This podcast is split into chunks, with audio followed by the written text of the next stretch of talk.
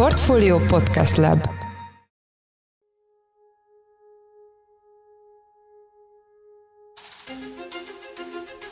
Aki szokott strádán vezetni, annak feltűnhet, hogy rengeteg kamera található az utak fölött és mellett. Ezek részben azt ellenőrzik, hogy van-e érvényes stráda matricája egy autónak, vagy hogy egy teherautó után befizették-e az útdíjat, néhány közülük pedig az utazók sebességét méri. Ezek a már kihelyezett kamerák ugyanakkor egy rendszerbe szervezve akár arra is alkalmasak lennének, hogy mérjék az utazók átlagsebességét, ami a tapasztalatok szerint jelentősen csökkenteni a balesetek számát. A mai műsorban azt járjuk körbe, hogy milyen implikációi lennének, ha Magyarországon is bevezetnék az autópályákon az átlagsebességmérést. Én Szász Péter vagyok, a Portfolio Podcast Lab szerkesztője, ez pedig a Portfolio heti podcastjének külön kiadása március 8-án.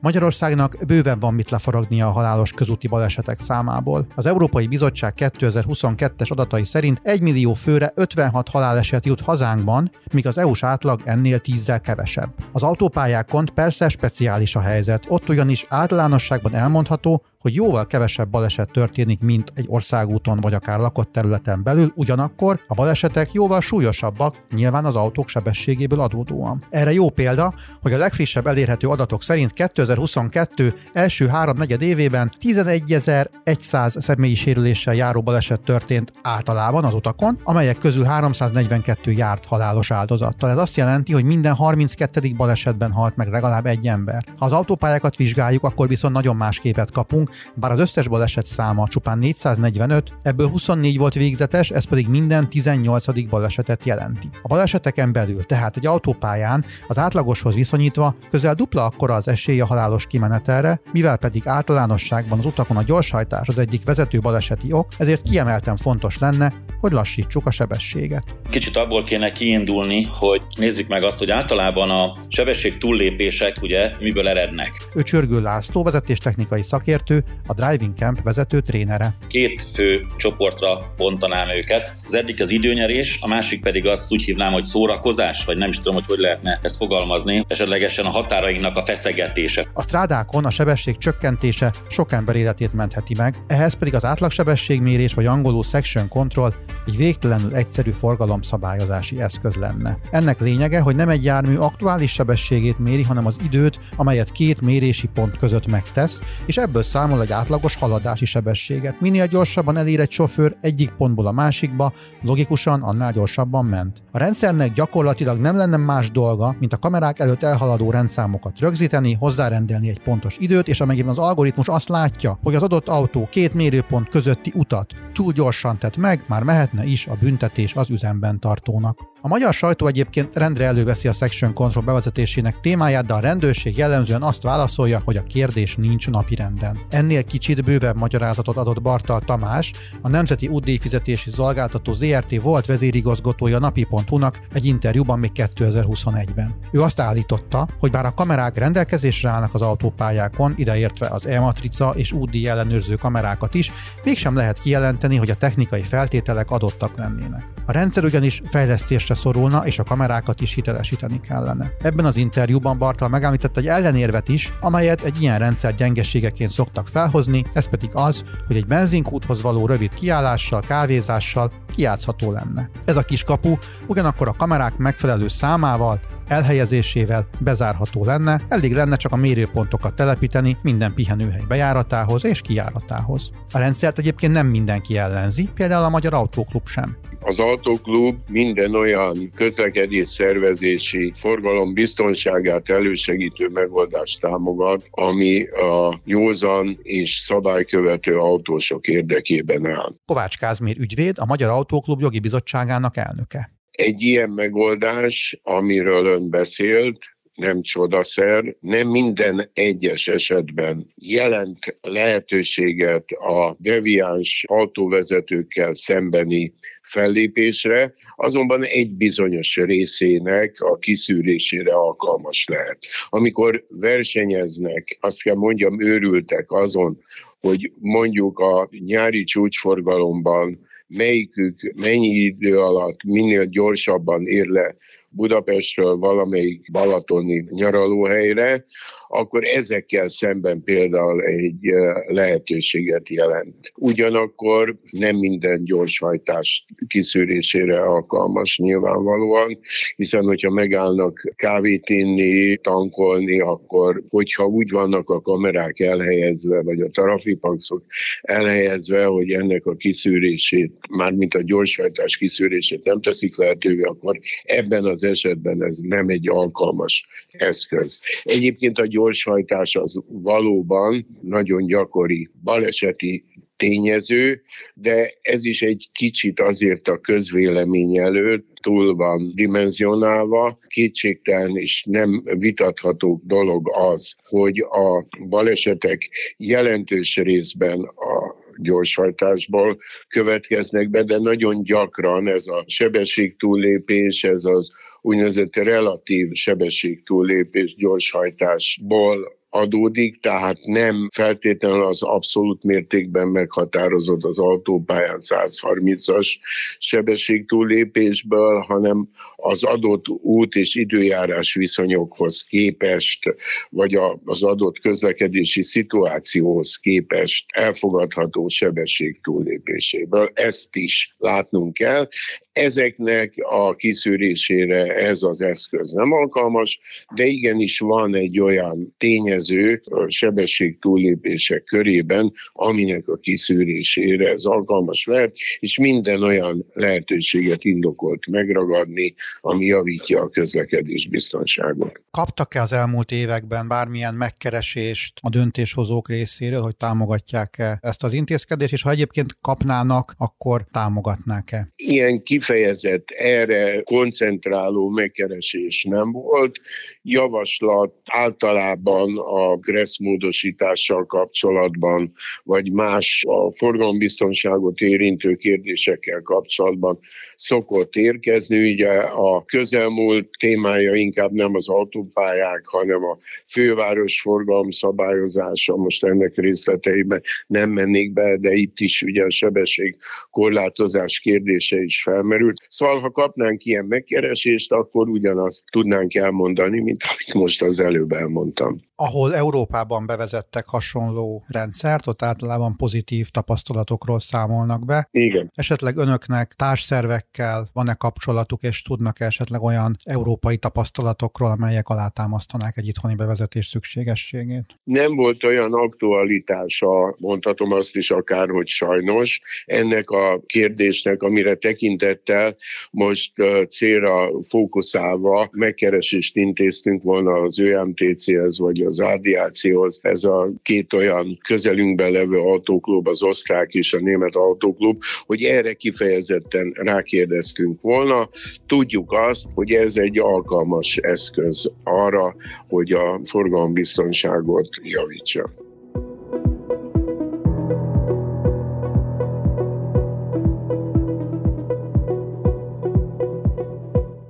Az átlagsebesség méréssel kapcsolatban felmerül persze egy körülmény, ami a jelenlegi gyorshajtók egy részénél is ellehetetleníti a büntetések kiszabását. Ez pedig az, hogy bár súlyos szabálysegésnél az autó üzemben tartója a 2008-ban bevezetett objektív felelősség elve alapján felelősségre vonható, kevésbé súlyos esetekben nem. Ez gyorshajtás esetén azt jelenti, hogy sebességkorlátozástól függően 15 vagy 20 km per órával kell túllépni a megengedett sebességet ahhoz, hogy anélkül is ki lehessen küldeni a csekket, hogy megállítanák az autót és beazonosítanák a sofőrjét. Más esetben ugyanis tehát megállítás nélkül kisebb gyorshajtásnál az autó üzemben tartója hivatkozhat arra, hogy nem akar rávallani egy közeli hozzátartozójára, és a büntetés rögtön behajthatatlanná válik. Ez az egész ugyanakkor csak szabályozói kérdés, és bármikor dönthetne úgy a szabályozó, hogy az objektív felelősség elvét a kisebb szabálysértésekre is kiterjeszti. A fő kérdés tehát, hogy miért nincs nálunk átlagsebességet mérő rendszer, mikor az autópálya tele van a rendszámok felismerésére alkalmas és aktívan használt kamerákkal. Európában ráadásul több helyen próbálkoztak már ezzel, és nem is rosszak a tapasztalatok. A legtöbb járművezető ilyen esetekben betartja a sebességkorlátozást azokon a szakaszokon, ahol a rendszer bevezetése előtt gyakran túllépték a sebességhatárt, a section control bevezetésével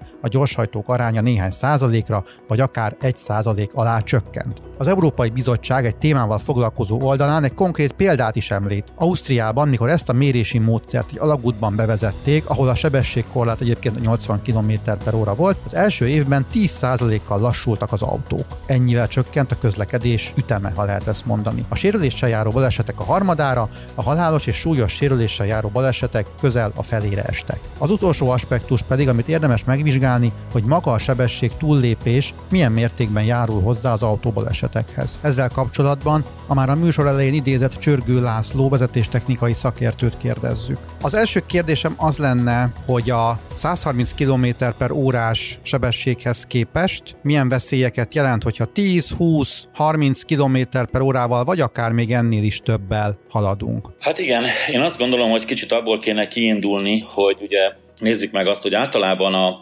sebesség túllépések ugye miből erednek. Ugye két fő csoportra bontanám őket. Az egyik az időnyerés, a másik pedig az, én nem tudom, ezt úgy hívnám, hogy szórakozás, vagy nem is tudom, hogy hogy lehetne ezt fogalmazni, hogy esetlegesen a határainknak a feszegetése, fogalmazzunk így ezt a két vonalat. Egyáltalán nézzük meg, mit kockáztatunk ezért, jó? Egy picit nézzük meg azt, amikor azt mondom, hogy időnyerésből szeretnék én gyorsan menni, mert esetleg otthon én kicsit elnyújtottam a készülődést, és hát sajnos sietnem kell, és időben kéne leérjek valahol, autópályán közlekedek. És akkor nézzünk mondjuk egy, egy normál, egyszerű átlagot, tehát azt mondom, hogy egy 100 km megtétele autópályán, hogyha 130 km per órás sebességgel megyek, akkor azt vegyük mondjuk nullának, és hogyha ehhez képest mondjuk csak 10 km per órával megyek többel, 140-nel, akkor mennyi időt nyerek? Körülbelül olyan 3,3 percet. Menjünk a másik végletre, 160 km per órával megyek végig az autópályán, akkor is összesen 8,6 percet nyerek. És a feltételezzük, hogy végig tudunk menni ilyen sebességgel, mert a nagy eséllyel 160-nal beírünk lassabban haladó autókat. Ja persze, igen, igen, itt, itt persze az átlag sebességre mondtam, tehát hogyha még végig tudnák menni, akkor is, ha 160-nal megyek, minimális a különbség a, a megengedett sebességhez képest, tehát 8,6 perc, ez egy minimális sebességkülönbség. Nézzük meg azt, hogy mit kockáztatok ezért, ugye? Tehát mi az, amit én kockáztatok? Ugye alapjaiba véve, ugye egy 1400-tól 1700 kilósig vegyünk egy személyautót, ugye manapság már egy picikét ugye nehezebbek az autók, de mondjuk vegyünk egy átlagos 1700 kg-os autót, ez a nagyobb tempó ugye ezt a tömeget sokkal nagyobb erővel mozgatja, tehát a mozgási energiája egy ekkora tömegnek ennél a tempónál iszonyatosan nagy. Ha ne Isten, bármi történik, tehát a kockázatvállalás jelen esetben sokkal nagyobb, mint egy normál, megengedett tempó. Ugye a 130 azt, azt úgy belőtték ugye Európa szinten, most már egyre kezdenek lejjebb menni, de belőtték azt, hogy nagyjából ugye itt beszélhetünk arról, hogy a, az objektív felelősségvás az olyan 150-nél lesz, tehát ez a 130-as tempó, ez egy olyan átlagosan belőtt, amikor még azt mondom, hogy nagyjából nem olyan vészes az a tempó, hiszen 130-al ugye a reakcióidőm, hogyha azt nézem, ugye ez közúti közlekedésben egy másodpercnek szoktuk venni, tehát a reakcióidő alatt megtelt utam 130-nál, az megközelítően 36 méter. Tehát egy másodperc alatt 36 méter teszek meg.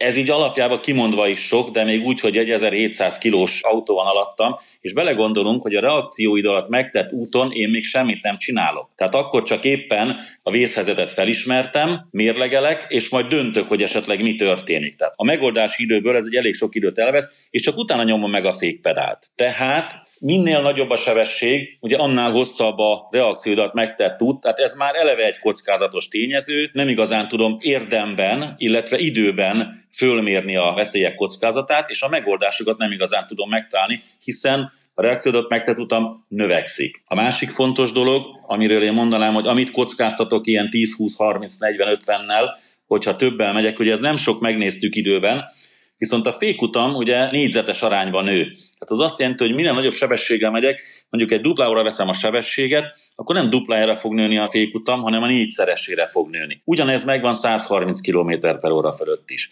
És hozzáveszem azt, hogy a fékutam négyszeresére nő, a reakciódat hosszabb utam van, tehát egy esetlegesen észlelt vészhelyzetnél nagyon nagy a kockázata annak, hogy nem fogom tudni megtalálni a helyes megoldást, és sajnos nem fogom tudom kivédeni. Valami számítás, hogyha mondjuk megyek 130-al, és előttem hirtelen megállnak, kontra megyek 160-nal, ugyanúgy előttem hirtelen nyilván valamekkor a fékúttal megállnak. A reakcióidővel együtt mennyivel több időre van szükségem az, hogy én is meg tudjak még állni a mögött az autó mögött? A fékutat ugye nagyon sok minden tényező befolyásolja, de vegyük azt, hogy egy átlagos fékútnál, tehát az azt mondom, hogy egy, egy normál, jól tapadó felületen, megfelelő gumival ellátott autóval, megfelelő műszaki állapotban lévő autóval, ugye elindulok, akkor 130-nál vegyük egy átlag tempót, az azt jelenti, hogy ugye 36 méter teszek meg a reakcióidő alatt. Ugye a fékút az nagyon sok mindentől függ, de most egy átlagosat veszünk, az olyan 114 méter lesz, tehát így a féktávolságom az egy olyan 150 méter körül lesz, ami nagyon sok, ha vele gondolunk, az három olyan kis jelzőtábla, és ez csak 130-nál. Mivel a fékút ugye exponentált négyzetesen nő, én azt gondolom, hogy 160-as tempónál, ahogy a 44 méter teszünk meg egy másodperc alatt, a fékutam az megközelítőleg, ugye, az egy olyan 150-170 méter körül lenne, az azt jelenti, hogy majdnem 200 méter. Tehát ez a 30 kilométer megközelítőleg több mint 50 méter jelentene, mire meg tudok állni. Ez nagyon sok. Ide tartozik az a kérdés, hogy ezek a számok mennyiben változnak esős időben, illetve akkor, hogyha mondjuk nyári gumit használok. Télen nincs hó, az túlzás, aki egy havas pályán 160-nal megy, az már tényleg extrém, de hogyha tehát nincs hó, csak egyszerűen tél van, és mondjuk nyári gumit használok. Itt a, a becslések azok elmehetnek a világ végéig is, Ugye nagyjából azt nézzük, hogy az előbb, amit említettünk, az egy átlagos tapadás. De ha nem átlagos tapadásunk van, és kopott gumival megyek, vagy esik az eső, és így lépem túl a sebességet, nagyon sokszor látjuk, hogy 160-nal mennek el mellettünk az autópályán esőbe az autósok, tehát felelőtlenül. Tehát ezt egy megváltozott útviszony, egy, egy rossz tapadású gumi, én azt gondolom, hogy a többszörösére, kétszeresére akár háromszorosára vagy négyszeresére is növelheti ugyanezt a, a féktávolságot. Itt számokkal nagyon nehéz becsülni, nagyon sok mindentől függ. Én azt gondolom, hogy bőven kétszerese, háromszorosa, vagy akár négyszerese is lehet extrém körülmények között. Nem is beszélve arról, hogy az erők, amit hatnak az autóra ilyen esetekben. Tehát nagyobb tempónál, amilyen erő, előbb említettem, hogy nagyobb erők hatnak rá. Esetleg egy oldal irányú erő hat az autóra. Hirtelen mondjuk fékezés közben elrántom a kormányt, ugye? Abban a pillanatban, hogy egy alacsonyabb tempónál esetlegesen még van időm korrigálni, ennél a nagy tempónál biztos, hogy nem lesz időm korrigálni, nem fog megtapadni az autóm, és az a négy tenyernyi tapadó felület elkezd csúszni, és abban a pillanatban, hogy egy ilyen tempónál, egy 140, 150, 160-as tempónál az autó megcsúszik, hát elektronika és ember legyen a talpán, aki ezt igaziból meg tudja fogni. A gyorshajtást azt vezető baleseti oknak tekintjük, de ugye mindig el kell mondani, hogy két típusú gyorshajtás van. Ugye a valódi, amikor tényleg túllépjük az adott útszakaszra megadott maximális sebességet, és a relatív gyorshajtás. Igaz ez a megállapítás? hogy amikor azt mondjuk, hogy a baleset okozója a gyorshajtás, az nagy többségben a relatív gyorshajtást jelenti? Igen. Én azt gondolom, hogy ez egy helytálló dolog lehet, hiszen a sebesség határok általában útszakaszokra úgy vannak megadva, hogy az általában a kialakuló vészhelyzeteket is meg tudják oldani. Viszont nem vonatkoznak arra, amikor extrém körülmények vannak. Tehát például azt mondom, hogy egy nagyobb csúcsforgalomba, vagy rossz időjárási körülmények között, vagy ködben, ugye ez is ide tartozik, vagy esetleg eh, változó tapadású felületeken, tehát éppen esik, éppen fúj, éppen nem esik, vagy esetleg ugye most így tavasszal, amikor még ugye hajnalban a dél ugye lent van az utakon, később szárad föl, mikor a nap elkezdi sütni, tehát változó az útnak a tapadása. Ilyenkor szokott az lenni, hogy amikor beszélünk arról, hogy relatív gyorshajtás, amikor úgy mondják, hogy nem az út és látási viszonyoknak megfelelően, megfelelő sebességgel vezette a tisztelt sofőr az autóját. Tehát ezt hívjuk ugye relatív gyorshajtásnak. Nagyon sokszor beleesünk ebbe a problémába, és én azt gondolom, hogy ez abból ered, hogy egy picit túlértékeljük magunkat. Tehát túlértékeljük magunkat, túlértékeljük az autónkat. Tehát azt gondoljuk magunkról, hogy nem jöhet már semmi, mert én már mindent megoldok, és nagyon rutinos sofőr vagyok, és ezért mondjuk egy csúcsforgalomban látom, hogy előttem lassabban mennek, akkor kivágok, előzgetek, esetleg nem érem el a 90 km per órás sebességet mondjuk egy autóúton, de olyan a forgalom, hogy azt a 75-80-at azt lehetne tartani, hogy a teherautók vannak, és lassabb a forgalom. Hiába én 90-nel megerőzöm a 70 km per menő autót, de hogyha szemből nem férek be, akkor én nem mentem gyorsan, egyszerűen csak nem az útviszonyoknak és a látási viszonyoknak megfelelően vezettem az automat, mert nem észleltem megfelelő időben azt a szembejövő autót, akit én veszélybe sodrok ezzel. Tehát valahol itt a a relatív gyorshajtásnak én azt gondolom az elsődleges szempontja az, hogy nem ismerem a saját magam és autóm határait. Megint mehetünk tovább egy kicsikét, ugye a relatív gyorshajtásnál, az, amikor tudatosan próbálom a határaimat feszegetni. Tehát ez megint ez a kétfajta vezető,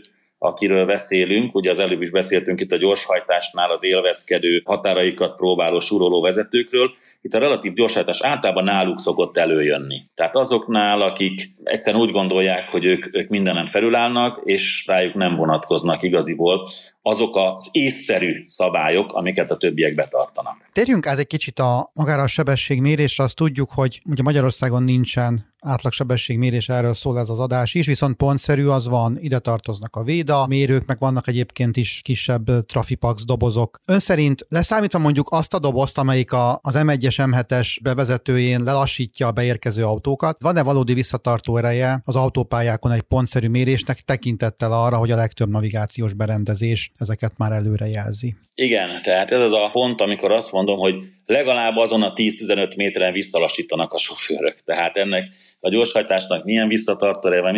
Én azt gondolom, hogy olyan visszatartó ereje, amire szeretnék ezt használni, olyan visszatartó ereje nincsen, hiszen mindannyian közlekedünk, és látjuk azt, hogy kicsikét meg talán azt mondom, hogy veszélybe is sodorja a szabályosabb közlekedőket, hiszen akik későn veszik észre ezeket a letelepített trafipax rendszereket, vagy esetleg a navigáció nem szól nekik, azok ugye a nagyobb tempóról mit csinálnak?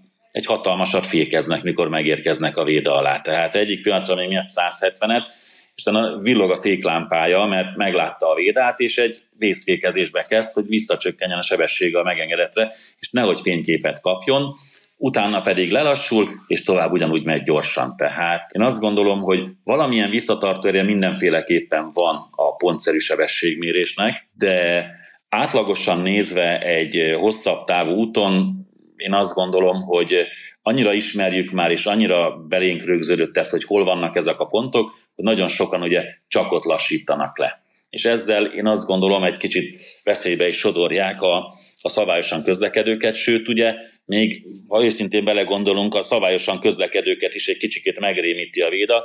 Nagyon sokszor látjuk azt is, ugye, hogy megyünk 130-al, és a, a védák előtt az autópályán gyorsan elkezdenek lassítani az emberek, és fékeznek, visszaveszik a tempót, majd, hogy nem 130 alá. Nem reális, én azt gondolom. Akkor a végére még egy kérdés. Ön szerint hasznos lenne a átlagsebességmérés bevezetése Magyarországon is? Én azt gondolom, hogy hosszú távon mindenféleképpen visszatartóbb erő lenne a gyorshajtók számára, ugye, mint a pontszerű mérés, hiszen egy, egy, egy bizonyos távolságot kell megtennünk. És ugye egy picit itt a végén visszakanyarodok az elejére, tehát azokat ugye, akik időnyerés szempontjából biztos, hogy hamarabb indulnának el, sajnos akik a, a határaikat próbálgatják, ugye ki tudják játszani ezt is, hogyha nagyon akarják. De én azt gondolom, hogy ha ez egy rendszer lesz, és Magyarországon elterjedésbe vezetik, akkor már annyi helyen lesz, és olyan sűrűséggel, hogy szerintem mindenféleképpen visszatartó ereje lesz a gyorshajtók számára, nem mindenki számára, de az átlag emberek számára én azt gondolom, hogy biztos, hogy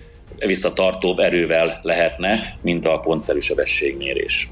Ez volt a Portfólió heti podcastjének külön kiadása, ami az átlagsebességmérésről szólt. A mai adás elkészítésében részt vett gombkötő Emma és Forrás Dávid, a szerkesztő pedig én voltam Szász Péter. Új adással jövő szerdán jelentkezünk, addig is minden jót kívánunk, sziasztok!